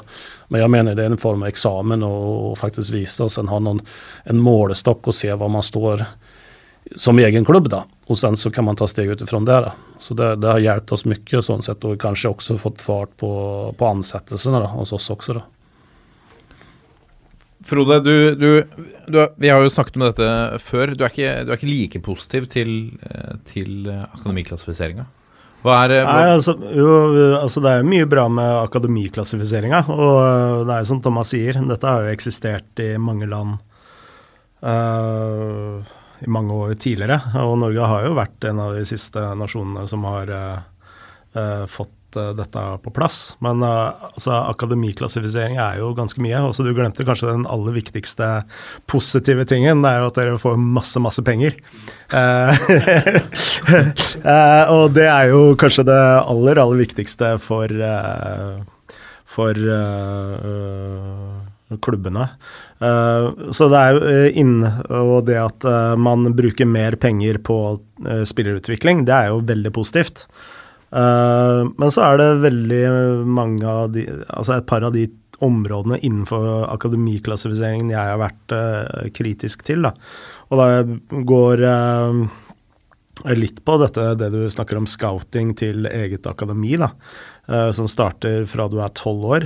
Nå tror jeg ikke at man gjør det så ekstremt, men, men når jeg var i denne debatten da, om akademiklassifiseringen, så var det med ut fra et prinsipielt ståsted. Og at man skal begynne å, rekruttere eh, spillere i nærområdet fra tolvårsalder, det tror jeg er uheldig for norsk fotball eh, som helhet. Og øh, årsaken til det, det er at du bryter opp Jeg tror at man bryter opp veldig mange eh, utviklingsmiljø for tidlig. Si du har et uh, lag på Gryner med elleve-tolvåringer. Uh, som har to-tre veldig gode spillere på det laget av 12-13, og så kommer Vålerenga og henter de to beste, og så forvitrer resten av laget. Uh, og det er reelle eksempler. Uh, så det er liksom bakdelen, at du sentraliserer tunge utviklingsmiljø innenfor få norske klubber. Og toppklubbene i Norge er jo veldig få. Altså det, vi snakker her om de øverste divisjonene, mens floraen av norske klubber er jo så mye, mye mer enn det. Så det har jo vært min hovedinnvending egentlig mot uh, akademiklassifiseringen. Og så er det en del sånne ting med Når det var mye snakk om nasjonale serier og, og sånne ting, uh, som jeg også er ganske kritisk til. Men at uh, toppklubbene får masse penger til å drive spillerutvikling og få kompetente trenere inn i klubben, det er veldig, veldig bra. Og så er det uh, en annen ting, hvis vi skal trekke fram noe uh, positivt. Altså, jeg har vært veldig tilhenger av den modellen Odd uh, blei veldig tidlig kjent for. Nå er det flere klubber som har gjort mye av det samme som Odd, og før Odd òg, men det er jo Odd som har blitt mer kjent for det. altså hvor de sender ut egne ressurser ut i de lokale klubbene uh, for å hjelpe de lokale klubbene opp og frem. Og Det er jo også noe Vålerenga har, uh, har begynt med, og jeg tipper det har vært mye enklere å få til når man har fått pengene fra akademiklassifisering også på, på plass. da. Jeg tror mye av det blir en konsekvens av akademiklassifiseringen. da. Vi skårte jo sånn veldig dårlig på den samarbeidsmodeller, uh, som var en av områdene. Men det har vi tatt en konsekvens. Da. Det visste vi at vi gjorde, og det var en ressursfråga. Men nå har vi i prinsipp avsatt, så vi har midler for en, nesten en på fulltid da, som jobber med det. og da da jobber vi sånn med, med klubbbesøk og vi jobber med, med trenerutvikling ute i breddeklubbmiljøet. Og vi har også et eksternt trenerutviklingsprogram som går over tolv moduler, der vi da tränare får söka det, unga tränare. Och då är man på, på Intility och föreläsningar av, av våra som är A-lagsstaben eller utvecklingstränare. Kan gå på mental träning, analys, eh, träningsplanläggning etc. Och så avslutar vi med en, med en studietur. Nu var vi nere i Köpenhamn här i november med den gruppen. Då. Du snakka om disse samarbeidsavtalene med lokale Oslo-klubber. og Det er jo det veldig mange av klubbene sier er det beste med de samarbeidsavtalene. Det er de interne kursene Vålerenga har eh, laget selv. da. Men er, det så, er dette også da en, en skyndte, Var det litt sånn eh, Skyndte man seg rundt alle Oslo-klubbene for å, å, å signere med de før f.eks. Stabæk kom og, og, og gjorde det samme? Nei, egentlig ikke. Den vi, vi hadde jo egentlig lagt sånn i strategin med den nye ledelsen med, med Erik Espeseth så, så var det en strategi å prøve å, å liksom bli Oslos lag, da. Oslos stolthet som, som man har pratet om. Da. Og da handler det om att, att få eh, så många på laget som möjligt. Då. Eh, och så har vi liksom lagat då ett program utifrån där och så jobbar med. Så vi egentligen begynte ju med det här egentligen någonstans för två och ett halvt år sedan. Då. Med liksom grovstart och sen har det liksom eh, begynt ordentligt förra året då. Man liksom satte formella avtal då med klubbarna då. Så vi är väl uppe nu i 15 klubbar vi jag inte minns fel. Och så är det egentligen två som vi hade sagt ja till då som inte har signerat än. Då. Mm. Och det ser vi, jag tittar lite grann på, på man jobbar i Danmark med det bland annat och de, har, de är väldigt duktiga på just samarbetsformer då. Där, där de större klubbarna har upp till 50-60 klubbar då, som man samarbetar med. Och för oss handlar det egentligen inte, vi- hvis en spelare har det bra nog i sin hemmaklubb så ska vi inte behöva hämta men däremot kan vi hospitera in och den dagen han vuxit ur den klubben så, så ska det vara naturligt att komma till oss då. Men vi ska kunna ge lite påfyll på vägen då. Har dere mange sånne spillere i dag som spiller på klubber i Oslo, men hospiterer litt hos dere? Ja, det er et par stykker, ikke så mange. Men, men det, er, det er vel sånn fire, fem, seks spillere akkurat nå. Då. Ibland kan det være det er ofte noen keeper så der man sliter med keepertrening i, i de mindre klubbene også. Da. Og det er ofte keeper man sliter på egne treninger, så det er liksom win-win for alle. Da. Mm. Eh, så det har vi, så har vi noen spillere også som vi, som vi lager sånn avtale med klubben. da, at han er inne kanskje en fast dag i veckan. Eh, och det kan bero på att det kanske är lite krångligt att ta sig till träning också hos oss. Då. Och, då, och så kanske vi inte är helt säkra heller. De är inte helt säkra heller. Då. Och det är oftast de bästa. När man väl väljer, om man väljer att komma över då, så är ofta det bästa att starta med en form av hospiteringslösning. Då, då hinner vi bli känt med, med spelaren och spelaren blir känt med oss. Då. Och då är det egentligen en vinn-vinn. Då. Når jeg spiller Fifa 19 på, på PlayStation, eh, på karrieremodusen der, så er ett av eh, Da har man ofte noen sportslige målsetninger. Et av målsetningene er også å slippe til eh, en visst antall spillere fra ungdomsavdelinga. Har dere noe lignende i Vålerenga? Ja, I vår uh, sportsplan eller strategiplan så, så skal vi sånn sett uh, hvert år skal vi egentlig ha tre spillere som får A-lagskontrakt. Og én en av de tre skal i løpet av tre år bli sånn etablerad og få liksom, skal sette han etablerad i A-laget. Då. Och i tillegg så skal vel egentlig tre spillere til da kunne gå til andre divisjonsklubber, i hvert fall da, i Oslo. Og det ser vi jo på de Oslo-klubbene, andre divisjon, så er det jo ja, tre, tre, fyra, fem spillere som har bakgrunn fra vårt rekruttlag. Då. Eh, Så det har jo vært veldig stor sånn producent til eh, Oslo-fotballen via Vålerenga. Så kanskje man kommer fra en annen klubb fra, från start. da. Men det ser vi i vårt rekruttlag og de er veldig attraktive, de spelarna også. Då. Och de fleste går inn i andra divisioner med ferdige, hos oss som 19-åring hvis Visst de ikke tar stegen i A-laget. da. Frode, du har fulgt uh, Vålerenga i, i mange år. Mm. Når syns du at de var på sitt beste? Uh, dette har jeg ikke gitt deg mulighet til å forberede deg på, men på sitt beste hva gjelder å slippe til unge talenter? Ja, altså de, uh, Tenker du sånn på A-lag eller inn i tropp? For det er to forskjellige ting. Ja, tar litt begge deler, da. Hvis du tar inn på, på Ja, altså, uh, um, øh, for å være helt ærlig, uh, ungdomssatsingen til Vålerenga er jo relativt øh, fersk. Eh, når Petter Myhre og Andreas Solte kom inn i Vålerenga, så var jo talentavdelingen til Vålerenga helt brakk. Eh, så de måtte jo nærmest sette sammen et, et rekruttlag selv. Eh, men uh, uh, så, så det var jo på mange måter starten av uh, den modellen som dere holder på med nå. Men men altså, spillerutvikling handler også om Du trenger en A-lagstrener som er villig til å gi de spillerne en sjanse da, og spilletid. Fordi altså, når du går rett fra et rekruttlag opp til et A-lag, så det er veldig sjelden at du klarer å ta det nivået med en gang. Du må gjerne få tre, fire, kanskje fem kamper på rappen for å spille deg inn. Uh, og den første treneren som virkelig gjorde det, var jo Martin Andresen. Uh, det er jo ingen tvil om. Uh, hvor det plutselig hadde seks-syv spillere som kom fra Oslo øst, som plutselig endte opp med å ta sølv. Så det var vel Det har vel aldri vært så bra lokalt som under Martin Andresen. Uh, men nå så er det jo mer sånn at uh, Vålerenga har jo utrolig mange lokale spillere. og Da tenker jeg på Stor-Oslo, da.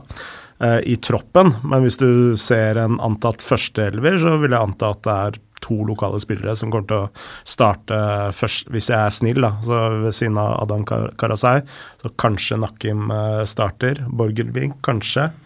Jeg veit ikke. Ivan Esper, kanskje. Ara, ja. Så har du Aron Dønnen, kanskje, kan få spilletid. Så har jeg akkurat også skrevet kontrakt med Felix Horn Myhre. Ja. Uh, så ja, jeg vil tippe to spillere starter første seriekamp. Uh. Ja, vi nevnte Ivan Esper. Ja. Mm. Altså, mitt uh, stalltips er at uh, Vålerenga kommer til å starte første seriekamp med to lokale spillere. Mm. Men, uh, men sånn totalt sett, hvis du ser på troppen, så har det jo egentlig aldri vært så bra lokalt forankra som det det er nå.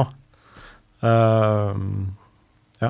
Mm. Men det er Oslo Vest-gutter, da. Ikke så, så uh, når supporterne synger Oslo Østs stolthet, eller hva nå enn de større, så er det mer hele Oslos lag nå. Ja. Har det Spiller det noen rolle for ja, ja, det var vi inne på litt i stad, med tanke på at uh, jo flere lokale spillere, jo, uh, jo mer blir det østkantens lag. Er det et Altså, hvor mye jobber dere etter det, det nå? Vi jobber nå å vinne hele Oslo, skal jeg si, ikke bare Oslo øst. da. Så man har ikke bestemt seg for det? Man setter ikke det over vestkanten, f.eks.?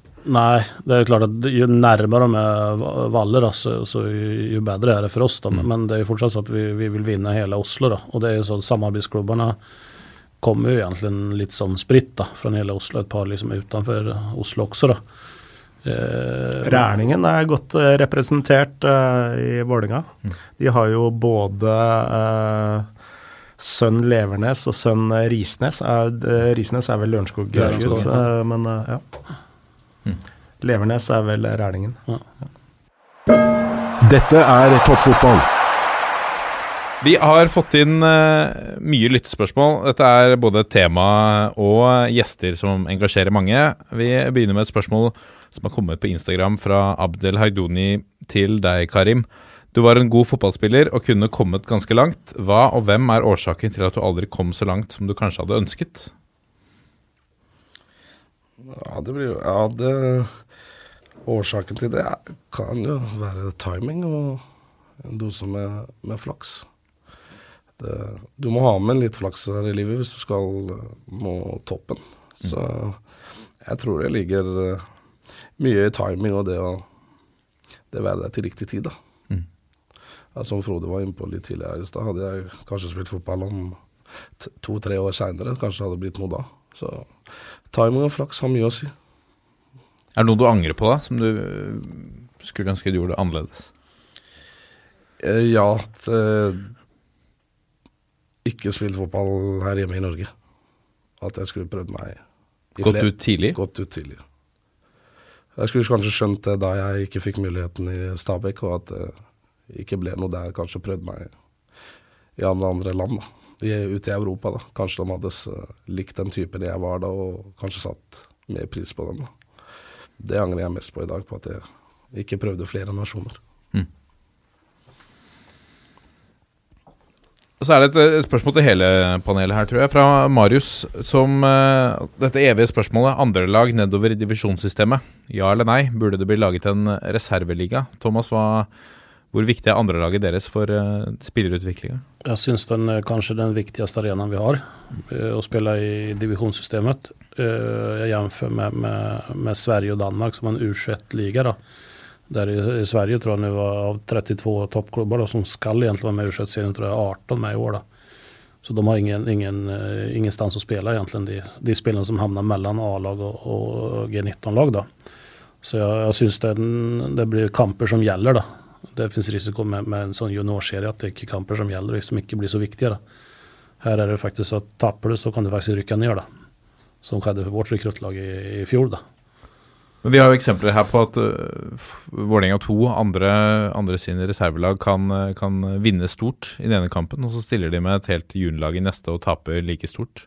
Burde, burde, vi lagt mye større restriksjoner på de, Frode, hvis de skal være i divisjonssystemet? Ja, men nå har det jo blitt uh, mer restriksjoner uh, på det, etter det jeg Med tanke på alder og Ja, alder og antall A-lagsspillere som du kan ja. ha på laget. Så det er jo allerede innført. Eh, men eh, jeg er eh, Altså, jeg har vært veldig i tvil. Altså, jeg har vært litt sånn på begge sider, men jeg tror jeg har landa ned på at det er en så viktig arena, og særlig etter at man også innskrenka uh, divisjonssystemet.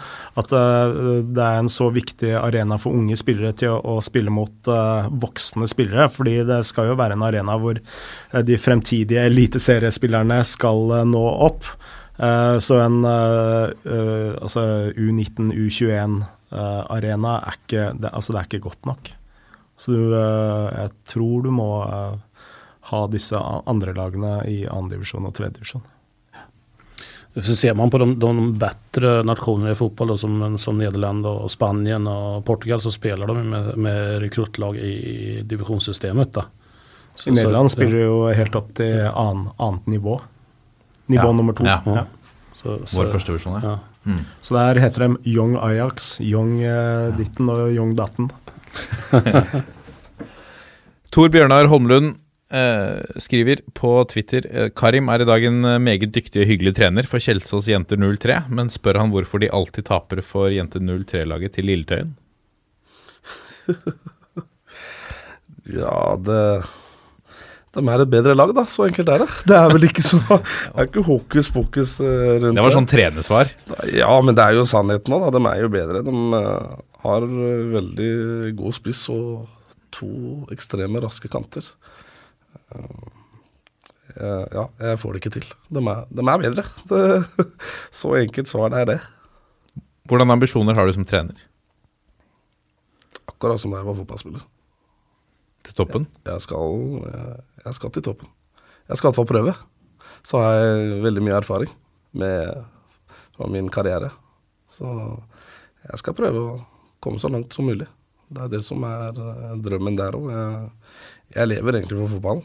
Og skal ta UFAB-lisensen i år, forhåpentligvis. Så jeg er godt i gang. Hva ville du sagt til en ung spiller som skal ønsker å lykkes nå? Uh, målskårer som, uh, som, lurer på hvor, hvilken klubb han skal gå til? Tenker du på i Norge, da, eller? Ja. Er det en Oslo-gutt, så er det jo Så må det bli Sarpsborg, da. Det er jo, det er, det er jo de som uh, klarer dette. Det er jo mange eksempler på det. Men jeg skulle ønske at det var Vålerenga. Mm.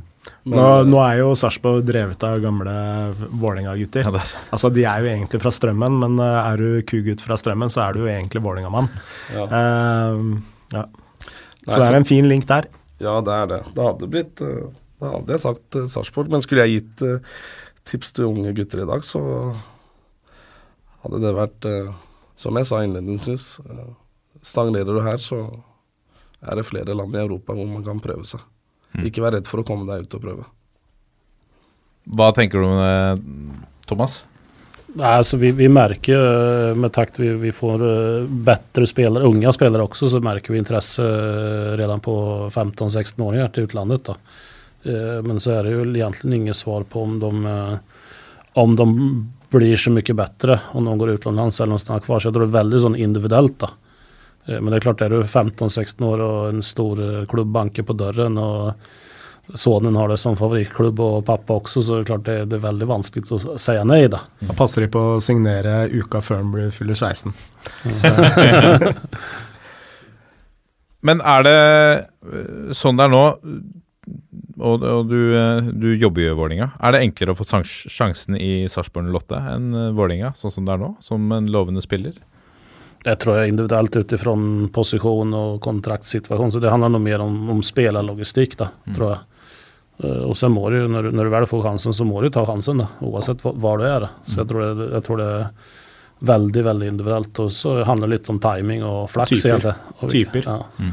Hvis du er eh, innoverkant eh, med tekniske ambisjoner og fine vendinger, så er kanskje mulighetene større i Vålerenga. Men hvis du er eh, beinhard i duellene innenfor 16-meteren, så er vel kanskje Sarpsborg eh, Og glad i å løpe. ja, og glad i å løpe. Så Rasmus Bauk har eh, sendt et spørsmål på eh, Instagram. Han sier at han spilte midtstopper mot Karim da han var på Oslo Østs juniorlag. Eh, umulig å stoppe. Raskere, sterkere, smartere og skåra tre mål.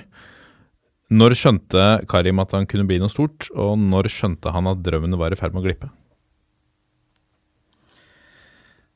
Det var vel eh, Ta det første først, da. Når skjønte du at det kunne bli stort? Ja, det var vel når du får telefonen fra selveste Blackburn, da. Mm. Som en 19-åring, etter å ha spilt et mesterskap, at uh, du inviteres over til prøvespill. Det er vel da jeg skjønte at uh, jeg, er virkelig, jeg er virkelig god, da. Så det er vel uh, da jeg reiste og skulle trene med Blackburn. Og for å svare på når jeg skjønte at det var i ferd med å glippe, var vel da jeg hadde jeg seks og sju mål i, i Kjelsås i andredivisjon som, som fem Nei, som åtte- og sjuåring. Og da begynner det å bli litt sånn Jeg følte det begynner å bli litt sånn gammel.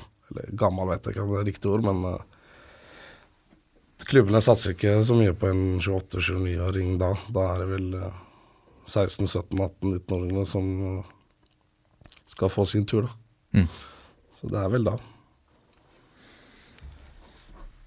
Så er det et spørsmål til deg, Frode. Fra Benjamin Sears, en fast bidragsyter i dette programmet. Hvordan kom Frode Lia fram til catchphrasen 'velkommen til gards'? Å, ja, det er enkelt. Det er eh, pappaen min fra Snarøya. Så uh, når jeg var liten, så hadde han alltid sånne selskap eh, i helgene, hvor alle disse vestkantmennene hans eh, kom inn og sånn, og da sa han alltid 'velkommen til gards' eh, på Snarøya. Så jeg bare bøffa pappa. Og det er den, For de som ikke har hørt på Josemars eminente podkast, så er det den som stort sett innleder de fleste episodene. Derav catchphrasen. Terje Kirsebom skriver Fikk du mange henvendelser da du bytta, bøtta en mål for Kjelsås i voksen alder? Eh, I 2002-2012 snakka motstanderen kun om hvordan stoppe Karim før de kom til Grefsen stadion, uten at det hjalp. Du har vel svart litt på det, Karim, men eh, men han vil at du også skal fortelle om tidenes vakreste og hardeste fotsalbrassespark i Koffahallen. Ja, det er jo Nei, jeg fikk ikke så mange henvendelser, jeg gjorde ikke det. Men jeg hadde en, ja, Det var en telefon fra Strømmen, da. Eh, de var jo Adecco-kollegaer på den tida. Men jeg følte, på, jeg følte at uh, tilbudet var ikke så bra til å kunne flytte på meg fra Kjelsås. da. Jeg trivdes veldig godt. Så du takka faktisk nei til et klubb på høyre nå? Ja, men, ja, men jeg var jo Takka nei til strømmen. Jeg gjorde jo det. Jeg gjorde det, men eh, Så det er jo eneste klubben i Norge som har spilt med skulderputer. Uh, så der gikk du glipp av noe. Jeg gjorde kanskje det, men eh, der og da følte jeg at uh, jeg har det bra i Kjelsås. Og det er godt samhold vi Ja, jeg takka nei. Jeg følte ikke at det var noe, noe, noe riktig der og da. Jeg følte ikke at Jeg tror jeg har gått glipp av noe, hvis jeg skal være ærlig. Eh, Strømmen har jo også vært en jevn til, eh, tilbyder av spillere til Vålinga. Altså, de har jo hatt eh, Levernes uh, spiller kom vel fra Strømmen. Uh, Espen Haug. Altså det er ma mange spillere fra Strømmen i Vålinga. Men eh, dette tidenes hardeste og vakreste brassesparket, da? Ja, den kom jo som sagt i, i Koffahallen i en semifinale mot eh, Nidaros, hvis jeg husker riktig. Det, ja, det var eh, Jeg tror vi var 2-1 til Nidaros, og vi måtte opp og skåre veldig fort.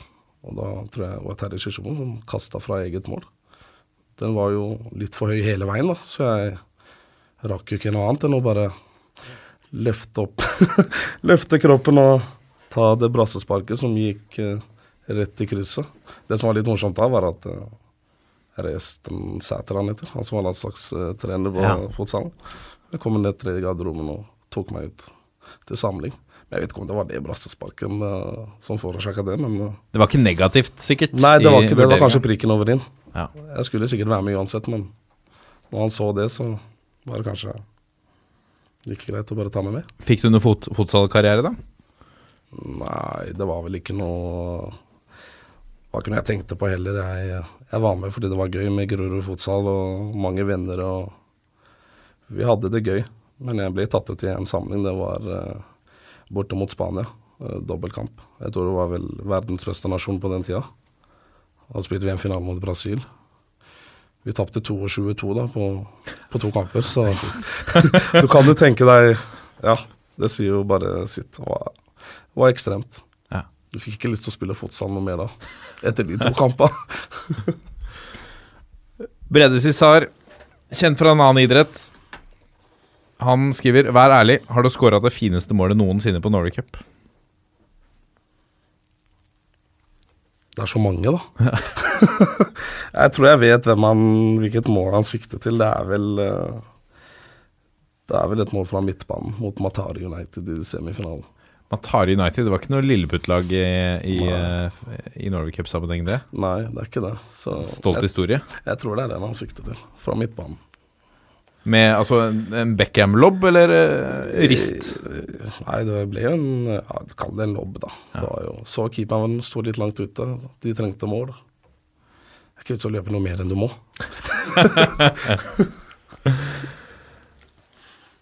Ivar Hapalahti, hvis det var riktig eh, uttale, så har det flaks. Uh, han uh, lurer på Karim, husker du målene og kakene i garderoben på Kjelsås? Kan man lykkes som fotballspiller om man er kokk? Ivar Appelaktig, det er den gamle keepertreneren i Kjelsås. Um, man kan jo egentlig ikke det. Men uh, Nei, det ble, ble en del kaker på gutta som jeg bakte hjemme og, og tok med. Men det er ikke en bra kombinasjon, fotballspiller og kokk. Så jeg tror ikke det. Derbyblogg kommer med et spørsmål eh, som er til alle her. Hvordan ser dere på Eliteserien som utviklingsarena? Og hvorfor hopper så mange på første og beste mulighet til å dra utenlands? Hvem vil, hvem vil, hvem vil Det kan jo Thomas svare på. Nei, altså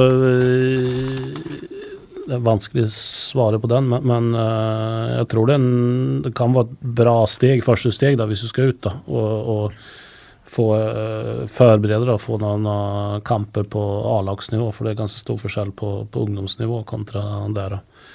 Eh, så, så, men så gjelder det, som vi har sagt tidligere, gjelder å få sjansen, da. Og, og få prøve seg. Og det er som du eh, när det gäller utländska klubbar så har du ju egentligen den, den första är den när, när de går ur ungdomsskola och då går man, rekryterar man in till akademierna och så nästa steg blir ju egentligen där det blir intressanta igen det är ju när man har etablerat sig på ett A-lag och, och kan uh, gå in i en, ett A-stall då. Men det är ju väldigt vanskligt då och då må man jo ha ett speletid då på elitserielaget först då. Så er jo årsaken til at eh, altså, spillere som Omar Ela f.eks. ble henta til Manchester City, det er jo at uh, selv Premier League-lag uh, må ha en kvote med homegrown uh, spillere som de kan fylle opp i, i, troppen, og da må de være i klubben fra du er 16 år og tre år frem i tid. for at du blir, Så Joshua King, f.eks., hvis han drar tilbake til eh, Manchester United, så blir han regna som en homegrown spiller for eh, Manchester United. Eh, og det skal jo også sies at eh, akkurat som Vålerenga sender eh, mange spillere til annendivisjon nå, og andre eliteseriespillere, nei, klubber gjør det samme, så gjør jo også Premier League-klubbene mye av det samme. Altså du eh, du kan vel kanskje stille i hvert fall to eh, europeiske topplag med spillere som har vært innom eh, ungdomsakademi til Chelsea, f.eks. Uh, så dette har jo blitt en eh, stor butikk for mange av Premier League-klubbene. Petter H. eh, vil gjerne vite litt mer om din tid i Oslo øst. Karim? Min tid i Oslo øst Vet jeg ikke helt hva han tenker på, men Nei. som jeg sa innledningsvis også, så var det en god periode. øh, eh, i min karriere. Kom jo som sagt på U18-landslaget, noe jeg ikke trodde. Kom på U19, fikk med meg et mesterskap. Uh, jeg var ikke en fast spiller uh, der heller, jeg satt mye på benken. Men jeg kom ofte inn og, og skåra. Jeg hadde vel uh, mellom 12 og 16 mål, selv om jeg ikke spilte fast hvert år. Mm. Så jeg hadde en god tid i Oslo øst. Det var Hvem var treneren din i Oslo øst? Geir Midtstian. Okay. Så nei, jeg hadde en, hadde en god tid, men det er en liten historie der også som eh, Jeg vet ikke om jeg skal eh, ta opp eller ikke, men eh, Ja, det syns jeg. eh, Ja, det syns dere helt sikkert, men Det er litt sånn at når jeg kommer hjem fra et U19-mesterskap og er kåra til det, en av de største talentene i Europa, er toppskårer Det jeg er litt usikker på, jeg veit ikke om klubben visste om Ipswich var på vei til Brumunddal for å se på meg i en kamp.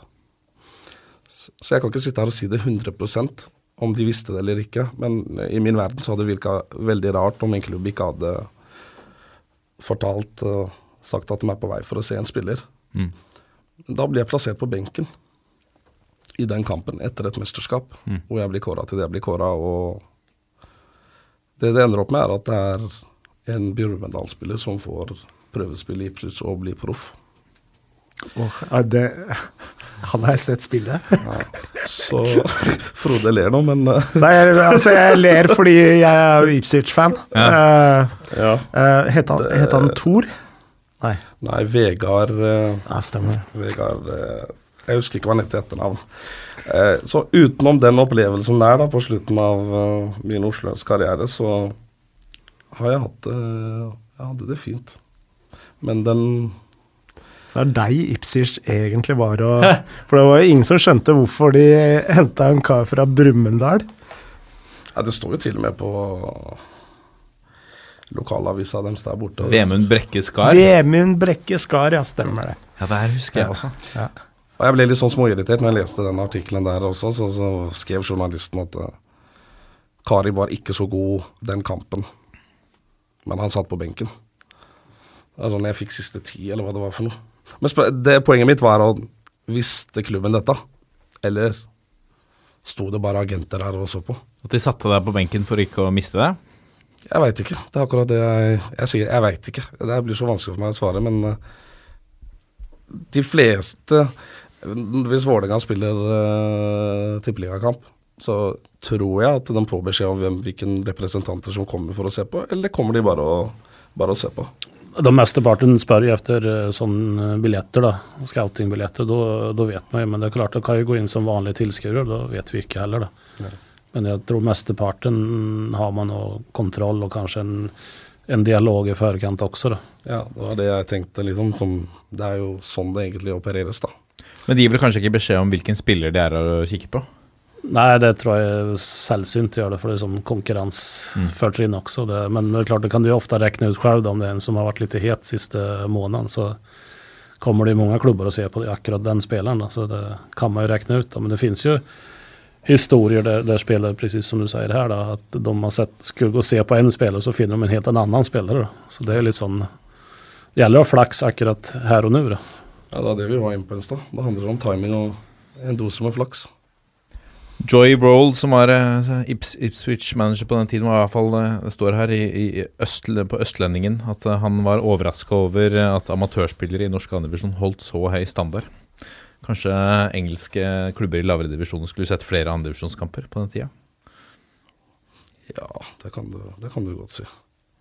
Men det er som Norske fotballspillere er gode. Det er det vi må huske. Mm. Vi må bare få tillit. Og sjansen som alle andre får. Så det kan bli bra. Vi må bare ha trua på det. Det er fristende å la det være siste ord. Eh, Karim Audia, Frode Lia og Thomas Hasselgren, tusen hjertelig takk for at eh, dere kom eh, i studio. Bare hyggelig. Bare hyggelig. Takk. Vi er uh, Toppfotball på Facebook, Twitter og Instagram. Gå gjerne inn og legg inn en rating på iTunes uh, også, Uh, eller send oss en e-post på toppfotballat451.no. så må vi avslutte på vanlig vis, som kan bli enten en stor suksess eller veldig pinlig. Få se om Frode er med på den. Det går som følger på 1, 2, 3. Vi er en gjeng. Ha det!